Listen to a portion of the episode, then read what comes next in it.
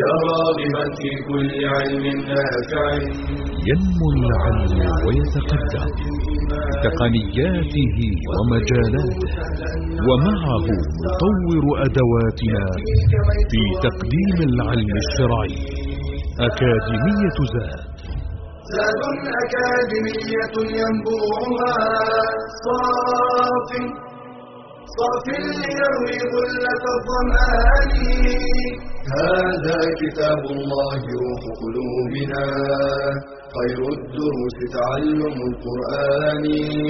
بشرى لنا زاد أكاديمية للعلم كالأزهار في البستان. بسم الله الرحمن الرحيم. الحمد لله رب العالمين. وأصلي وأسلم على سيدي رسول الله وعلى آله وأصحابه أجمعين. اللهم لا علم لنا إلا ما علمتنا إنك أنت العليم الحكيم. اللهم علمنا ما ينفعنا وانفعنا بما علمتنا وزدنا علما. اللهم ارزقنا الإخلاص والتوفيق والقبول والعون. ثم أما بعد أيها المباركون فالسلام عليكم ورحمة الله وبركاته. نلتقي وإياكم في بداية هذا الدرس من دروس تفسير كلام الله تبارك وتعالى والذي سبق أن أخبرناكم أننا سنبتدئ هذا الدرس المبارك بمقدمة في علوم القرآن. وقبل أن ندخل في هذه المقدمة يحسن أن نذكر شيئا يسيرا عن هذا الكتاب العظيم وعن بداية نزوله. لماذا؟ لأن درس التفسير هو درس متعلق تعلقا تاما بكتاب الله عز وجل. فنحن سنعيش مع القرآن الكريم. القرآن الكريم.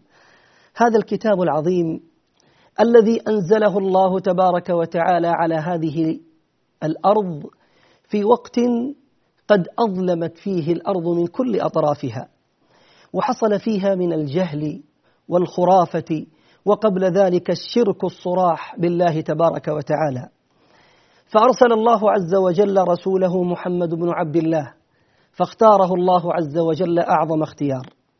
ثم أنزل الله تبارك وتعالى على هذا الرسول الذي هو خير رسل الله أجمعين أنزل الله تبارك وتعالى عليه خير كتاب. أنزله سبحانه وعز وجل وتبارك وتعالى بخير واسطة وهو جبريل عليه السلام. فكان جبريل عليه السلام ينزل بخير الكلام وهو كلام الله تبارك وعز وجل هذا القرآن الكريم الذي سنعيش وإياكم معه. أيها المباركون إننا عندما نتحدث عن مادة التفسير قبل أن نعيش معها لا بد أن تضع في ذهنك ولا بد أن تضع أيتها المؤمنة أيضا في ذهنك أمرا مهما جدا وهو أنكما بتعلمكم جميعا لمادة التفسير. أنتم في الحقيقة تعيشون مع علم هو من علوم المقاصد من العلوم التي يدرس لذاته يدرس لذاته فهذا يدل على عظيم شرفه ومكانته. علم التفسير هذا العلم الذي يدرس فيكون الدارس له متعلق بكتاب الله عز وجل دائما الذي يدرس مادة التفسير هو في الحقيقة يتعلق بكتاب الله عز وجل تعلق مستمر ويكفي الدارس لعلم التفسير هذا التعلق بكتاب الله وهذه الملازمة لكتاب الله تبارك وتعالى. نحن ندرس مادة التفسير أيها المباركون وهذا يدل على شرف هذا العلم العظيم لأن شرف العلم بشرف المعلوم.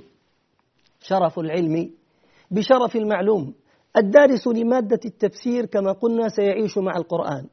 والقرآن هو كلام الله تبارك وعز وجل وأي شرف سيناله المؤمن وهو يعيش مع كلام الله تبارك وعز وجل. الدارس لماده التفسير من شرفه وفضله يكفيه أنه من خلال دراسته سيعبد الله عز وجل على بصيرة. فهو من خلال النظر في مادة التفسير سيتعلم أحكام الله تبارك وتعالى التي يريد من عباده أن يعملوا بها. الدارس لمادة التفسير سيعيش مع العبر والعظات والمواعظ التي ذكرها الله تبارك وتعالى في كتابه. فلا يفتأ قلبه أن يكون دائما في حال خشية وإخبات وإقبال على الله تبارك وتعالى. الدارس لمادة التفسير سيعيش مع أحوال الأمم التي ذكرها الله تبارك وتعالى في هذا الكتاب العظيم والتي مر عليها من السنن الشيء الكثير في إعزاز الله عز وجل للمؤمنين. وفي أخذ الله تبارك وتعالى للظالمين. فيتدبر المؤمن في ذلك ويفقه سنن الله عز وجل في هذه الأمم. فيكون ذلك عونا له على أن يسير في طاعته وأن يجتنب معصيته تبارك وعز وجل. هذا العلم العظيم أيها المباركون يكفي أنه غاية نبيلة. غاية نبيلة يسعى إليها المؤمن. طريق يسير فيه المؤمن إلى رضا الله تبارك وتعالى ففيه الغايات الحميدة وفيه الثمرات الجليلة وهي التصديق بأخباره والانتفاع بها وتطبيق أحكامه على الوجه الذي أراده الله تبارك وعز وجل. هذا يجعلني وإياكم نتحفز دائما للنظر في هذا العلم الجليل وفي هذا الفن الجميل الذي وللأسف قد عزف عنه بعض الناس. فما هو علم التفسير الذي سنعيش وإياكم معه؟ إذا أراد طالب العلم أن يتعرف على فن من الفنون فلا بد أن ينظر في تعريفه إلى جانبين إلى الجانب اللغوي وإلى الجانب الاصطلاحي. الجانب اللغوي في لغة العرب هو الذي سيدلف منه إلى معناه الاصطلاحي.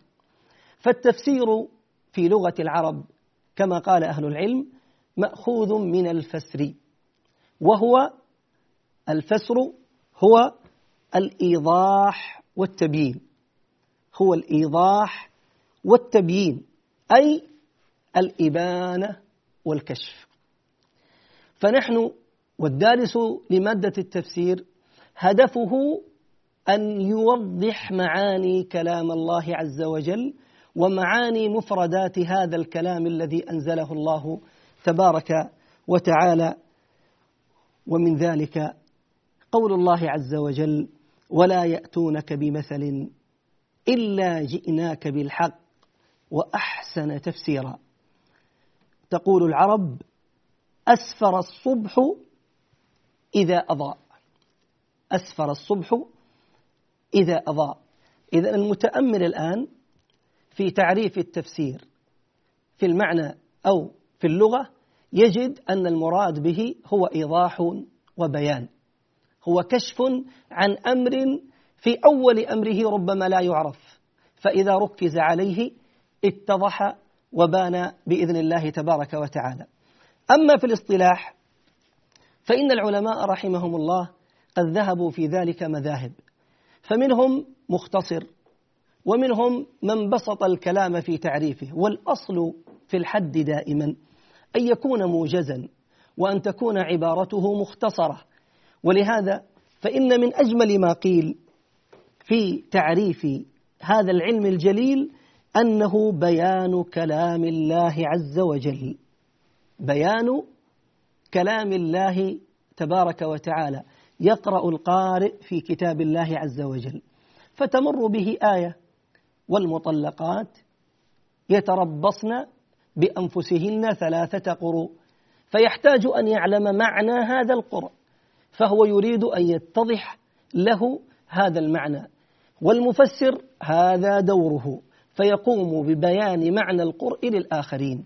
إذا هو بيان كلام الله تبارك وتعالى وللحديث بقية إن شاء الله. بشرى أكاديمية للعلم كالأزهار في البستان.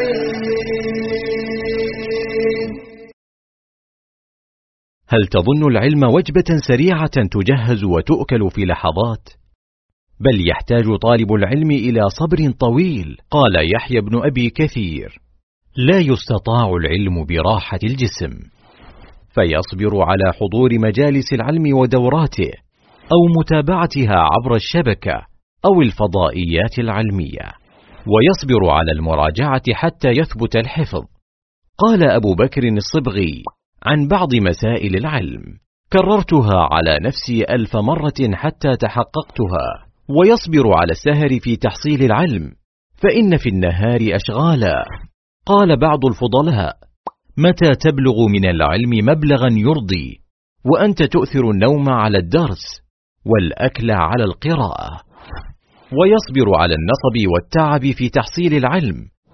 قال تعالى في قصة خروج موسى عليه السلام لطلب العلم. فلما جاوزا قال لفتاه آتنا غداءنا لقد لقينا من سفرنا هذا نصبا. ويصبر على إنفاق المال في طلب العلم وشراء الكتب ونحو ذلك. قال إسماعيل بن عياش ورثت من أبي أربعة آلاف دينار. أنفقتها في طلب العلم. فاصبر على طلب العلم حتى تنال طرفا منه. واسأل الله المزيد. قال تعالى وقل رب زدني علما.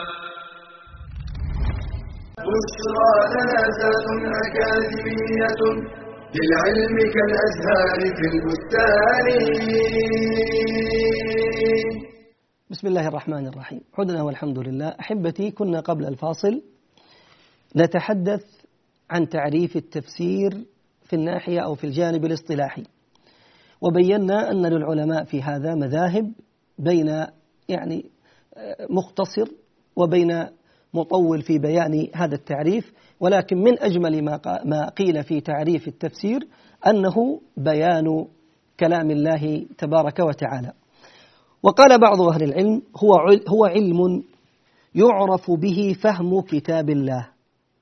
علم يعرف به فهم كتاب الله. وبيان معانيه واستخراج أحكامه وحكمه. إذا هو علم.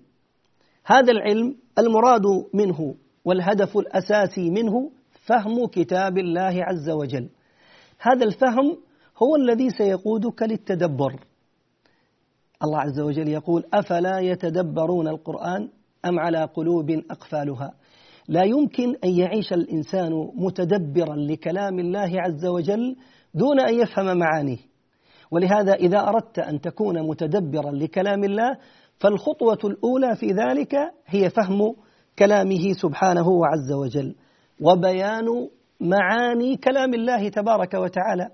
فكل كلام يراد منه معنى.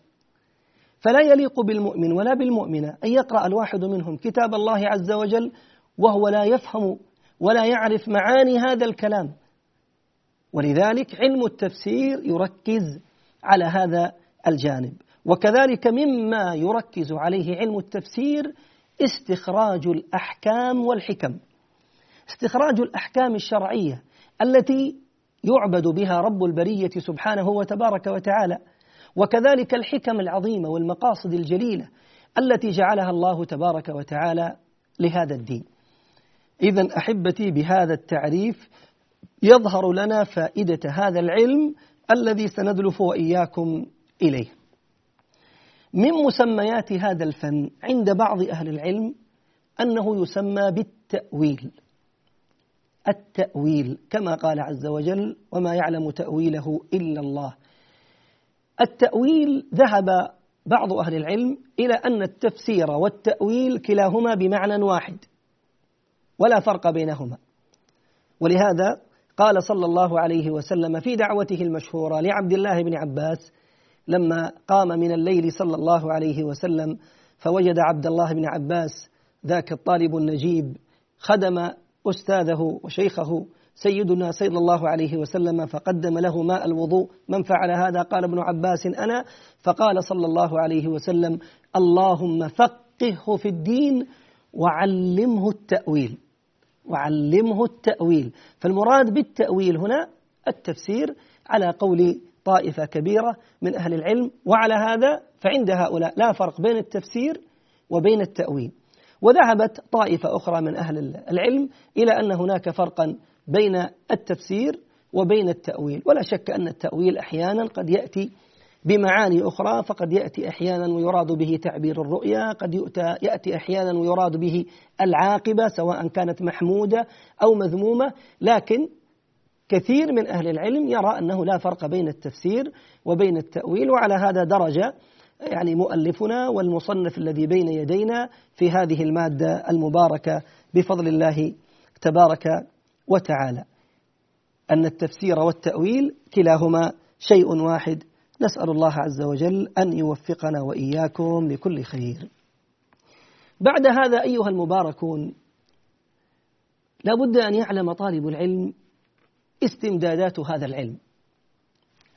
علم التفسير يستمد من عدة فنون وهذا ما يدل على عظيم شرف هذا العلم. لأنه علم واحد يجمع لك فنون شتى. فيستطيع طالب العلم المتمكن الذي وفقه الله عز وجل لدراسة التفسير بتأني وعاش معه ومع استمداداته أن يتقن ليس فنا واحدا بل عدة فنون. من استمدادات بل هو أول استمداد يستمد منه هذا العلم الجليل المبارك هو القرآن الكريم. القرآن الكريم نعم القرآن الكريم الذي هو كلام الله تبارك وتعالى.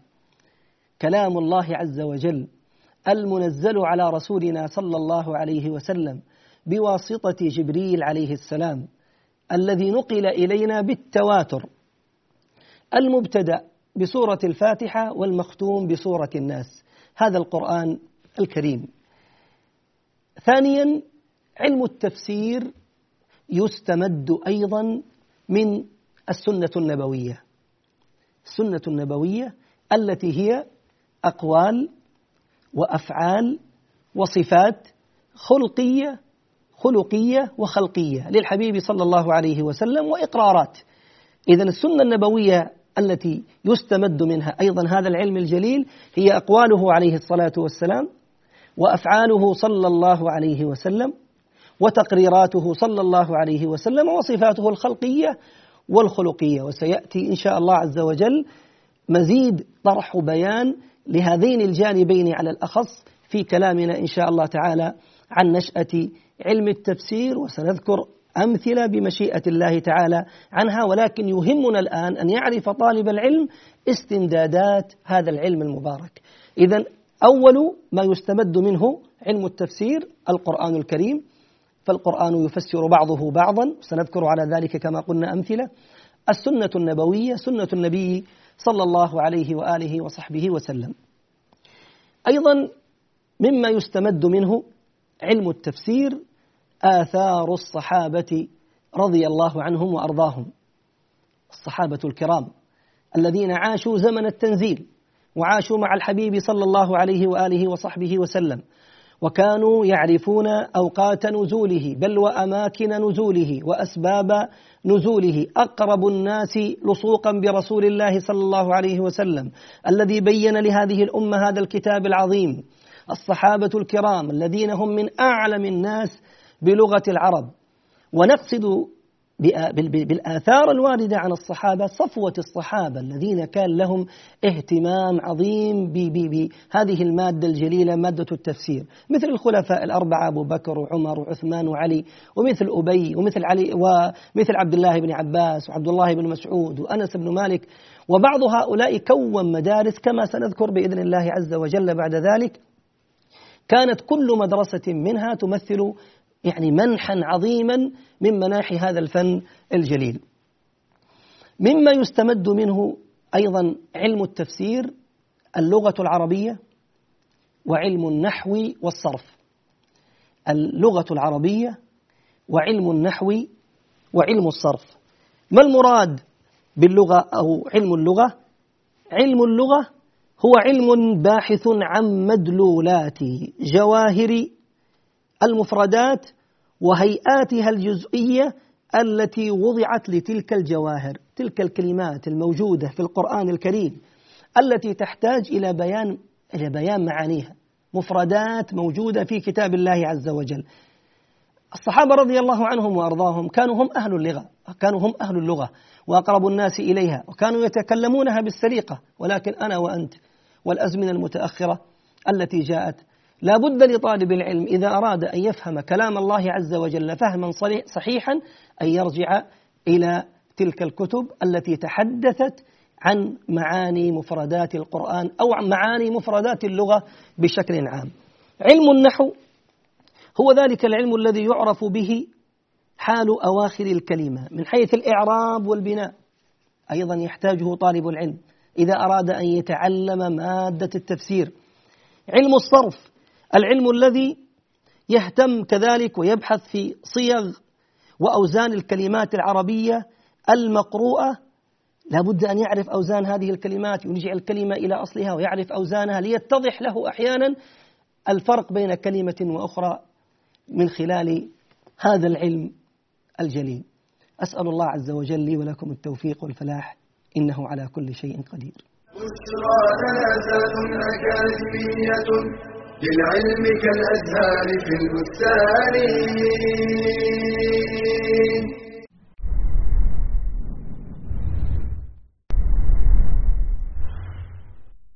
عماد الدين ثاني أركان الإسلام ومبانيه العظام. أول ما يحاسب عليه العبد يوم القيامة صلة بين العبد وربه.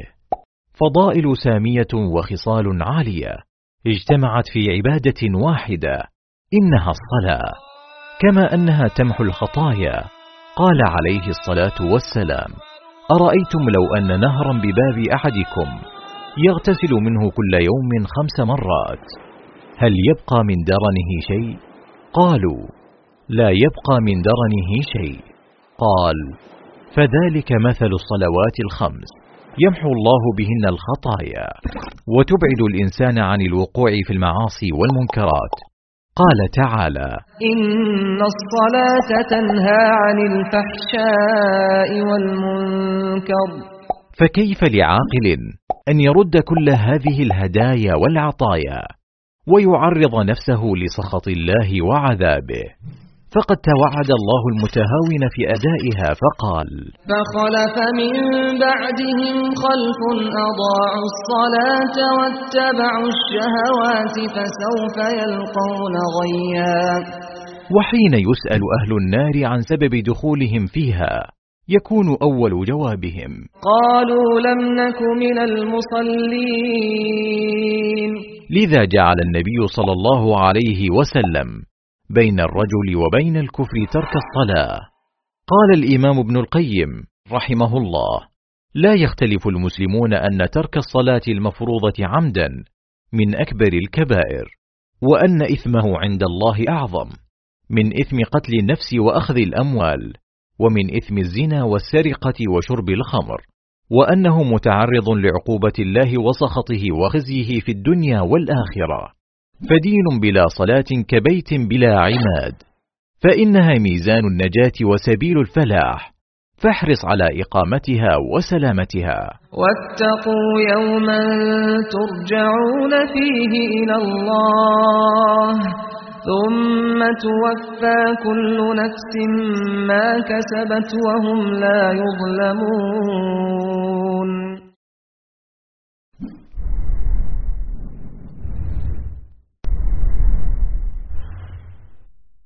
بشرى جنازات أكاديمية للعلم كالأزهار في البستان. بسم الله الرحمن الرحيم. عدنا أيها الأحبة الكرام وما زال حديثنا كما كان قبل الفاصل عن استمدادات علم التفسير مما يستمد هذا العلم الجليل وسبقنا وسبق أن تحدثنا قبل الفاصل أنه يستمد أولا من القرآن الكريم ثم من سنة النبي صلى الله عليه وسلم ثم من آثار الصحابة رضوان الله عليهم ثم من علم اللغة والنحو والصرف. ومن ومن استمدادات علم التفسير علم يسمى بعلم البيان. علم يسمى بعلم البيان. وعلم البيان هو أصول وقواعد يعرف بها إيراد المعنى الواحد بطرق بطرق متعددة وتراكيب متفاوتة من حيث الحقيقة والمجاز والتشبيه والكناية. فمثلا إذا أردنا أن نتحدث عن جود شخص عن جود حاتم مثلا يمكن أن نعبر بعدة تعبيرات مختلفة في كل تعبير منها يظهر لك هذا الجود الذي نريد أن نذكره لحاتم. فقد يقول الإنسان عن حاتم مثلا في مثل هذه الألفاظ يقال مثلا فيه أنه أي حاتم جبان كلبه. يقال عنه كثير خيره. يقال فيه لا يغلق له باب. فمثل هذه العبارات يفهم منها كلها جواد حاتم وهذا ما يسميه أهل العربية بالبيان. وهذا في القرآن الكريم كثير ولهذا تجد أن الله عز وجل يأتي بعبارات ألفاظ مختلفة وكلها تدل على معنى على معنى واحد وهو ما يسمى عند أهل العلم بعلم البيان. ومن العلوم المهمة التي أيضا يستمد منها علم التفسير علم أصول الفقه. علم أصول الفقه. فما هو علم أصول الفقه؟ علم أصول الفقه هو علم يبحث عن أدلة الفقه الإجمالية وكيفية الاستفادة منها وحال المستفيد. علم يبحث عن أدلة الفقه الإجمالية عندنا أدلة تفصيلية وعندنا أدلة إجمالية. الأدلة التفصيلية هذا شغل الفقيه والأدلة الإجمالية هي شغل الأصولي. فهو علم يبحث عن الأدلة الإجمالية وكيف يستفاد من هذه الأدلة الإجمالية في إثبات الأحكام. وكذلك حال المستفيد الذي سيستفيد هذا العلم أعني علم أصول الفقه. ومن استمدادات علم التفسير علم القراءات وهو بحر واسع وعلم غزير كبير لا ساحل له وممكن من خلاله أن يتعلم الإنسان أو أن يعرف معاني كلام الله تبارك وعز وجل فما هو علم القراءات؟ علم القراءات هو علم يبحث فيه أو يبحث فيه عن كيفية النطق بألفاظ القرآن وكتاباتها ومواضع اتفاقها أو اختلافها. وهو علم يهتم به قارئ كلام الله عز وجل وكذلك هذا المفسر الذي يريد أن يفسر كلام الله تبارك وتعالى وسيأتي بإذن الله عز وجل أيضا في نشأة علم التفسير إيراد بعض الأمثلة على بيان المعاني من خلال علم القراءات. ومن استمدادات علم التفسير علم أسباب النزول. علم أسباب النزول. ما المراد بعلم أسباب النزول؟ علم أسباب النزول هي الواقعة أو السؤال الذي نزلت الآية أو السورة عقبه بيانا له. يعني يأتي مثلا سائل إلى النبي صلى الله عليه وسلم فيسأل النبي صلى الله عليه وسلم عن أحكام معينة في الحيض. فينزل الحق تبارك وتعالى يسألونك عن المحيض قل هو أذى. يأتي السائل فيسأل النبي صلى الله عليه وسلم مثلا أي مسألة من المسائل عن الروح مثلا؟ يسألونك عن الروح قل الروح من أمر ربي. هذا إذا كانت الآية جوابا لسؤال. قد تكون الآية أحيانا بيان لواقعة من الوقعات التي كانت. تبين هذه الآيات تلك الواقعة تجليها تذكر حكم الله تبارك وتعالى فيها. ومن تلك الأمثلة مثلا ما حصل من المجادلة خولة بنت ثعلبة التي جاءت للنبي صلوات ربي وسلامه عليه. لما جاءت وحصل من زوجها أن ظاهر منها فجاءت شاكية إلى رسول الله صلوات ربي وسلامه عليه. قالت يا رسول الله إن أوسا ظاهر منه إن أوسا ظاهر مني وإن لي منه ولد. فإن ضممتهم إليه ضاعوا وإن ضممتهم إلي جاعوا. فقال لها عليه الصلاة والسلام ما أراك إلا قد حرمت عليه. كررت رضي الله عنها وأرضاها. السؤال مرارا فننزل الحق تبارك وتعالى في ذلك قوله الفصل في بيان هذه الحادثة وفي بيان أحكامها في مقدمة سورة المجادلة كاملة فقال سبحانه وتبارك وعز وجل قد سمع الله قول التي تجادلك في زوجها وتشتكي إلى الله والله يسمع تحاوركما. إن الله سميع بصير. رضي الله عن أمنا عائشة تقول والله إني لمعهما في الحجرة وإنها أي خولة تسار النبي صلى الله عليه وسلم تسار النبي صلى الله عليه وسلم. ولا أكاد أسمع ما تقول. وسمعها الله تبارك وتعالى من فوق سبع سماوات. فسبحان الذي وسع سمعه الأصوات. سبحانه وعز وجل وتبارك وتقدس. ثم أنزل الله عز وجل عليها الحكم الشرعي الذي يبين كفارة الظهار. فكان ذلك حكم لها ولغيرها فالعبرة بعموم اللفظ على الصحيح لا بخصوص السبب. الشاهد أن معرفة سبب النزول مما يعين جدا كما قرر ذلك شيخ الإسلام في مقدمته في أصول التفسير وغير شيخ الإسلام قرروا أن معرفة سبب النزول مما يعين طالب العلم عون كبير جدا على معرفة الحكم الشرعي. ومن استمدادات علم التفسير علم الناسخ والمنسوخ وهو أيضا علم ألفت فيه كتب مستقلة بحر زاخر لا يمكن أبدا أن يطرق طالب العلم باب التفسير معلما له إلا وقد ألم بهذا العلم. فما المراد بهذا العلم الجليل الرفيع؟ ما هو النسخ؟ النسخ هو رفع حكم شرعي متقدم بحكم شرعي آخر متأخر عنه ما ننسخ من آية أو ننسها نأتي بخير منها أو مثلها الله عز وجل من حكمته البالغة أنه سبحانه وتبارك وتعالى أحيانا ربما جاء ببعض الأحكام في زمان تناسبه ثم يشأ بحكمته أيضا سبحانه وعز وجل أن يغير هذا الحكم إلى ربما أخف إلى أشق إلى مساوي له في زمن آخر. وكل ذلك مبني على حكمة عظيمة للحق تبارك وتعالى. استمر المسلمون قرابة ثمانية عشر شهرا وهم يصلون إلى المسجد الأقصى. ثم نسخ ذلك منه تبارك وعز وجل وأمر المسلمون أن يتوجهوا إلى الكعبة المشرفة. قد نرى تقلب وجهك في السماء فلنولينك قبلة ترضاها فول وجهك شطر المسجد الحرام. كثير من الآيات في القرآن الكريم إن لم يكن طالب العلم عالما بما فيها من الناسخ والمنسوخ هل هذه الآية منسوخة أو غير منسوخة؟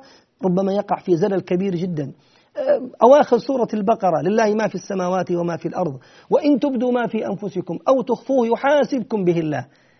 إذا لم يعلم طالب العلم أن هذه الآية كذلك مما كان فيه النسخ وأنها نسخت بما بما بعدها على قول طائفة كبيرة من أهل العلم فإنه أيضا ربما يخطئ في فهمها. وخذ مثل ذلك في كثير من الآيات التي تحدثت عن جانب عظيم من جوانب الأحكام الشرعية فربما يكون في أول الأمر حكم ثم ينسخه تبارك وتعالى وعز وجل في وقت آخر. إذا هذه الاستمدادات التسعة التي يستمد منها علم التفسير لا يستغني عنها طالب العلم هي سريعا أولا القرآن الكريم السنة النبوية آثار الصحابة علم اللغة والنحو والصرف علم البيان علم أصول الفقه علم القراءات علم أسباب النزول علم الناسخ والمنسوخ. اللهم وفقنا لطاعتك ومرضاتك. اللهم خذ بأيدينا إلى كل خير إنك على كل شيء قدير. والسلام عليكم ورحمة الله وبركاته وإلى لقاء آخر. تلك العلوم دروسها ميسورة في فرح علم الرأس الأركان. بشرى لنا بشرى لنا بشرى لنا ذات أكاديمية. للعلم كالأزهار في البستان.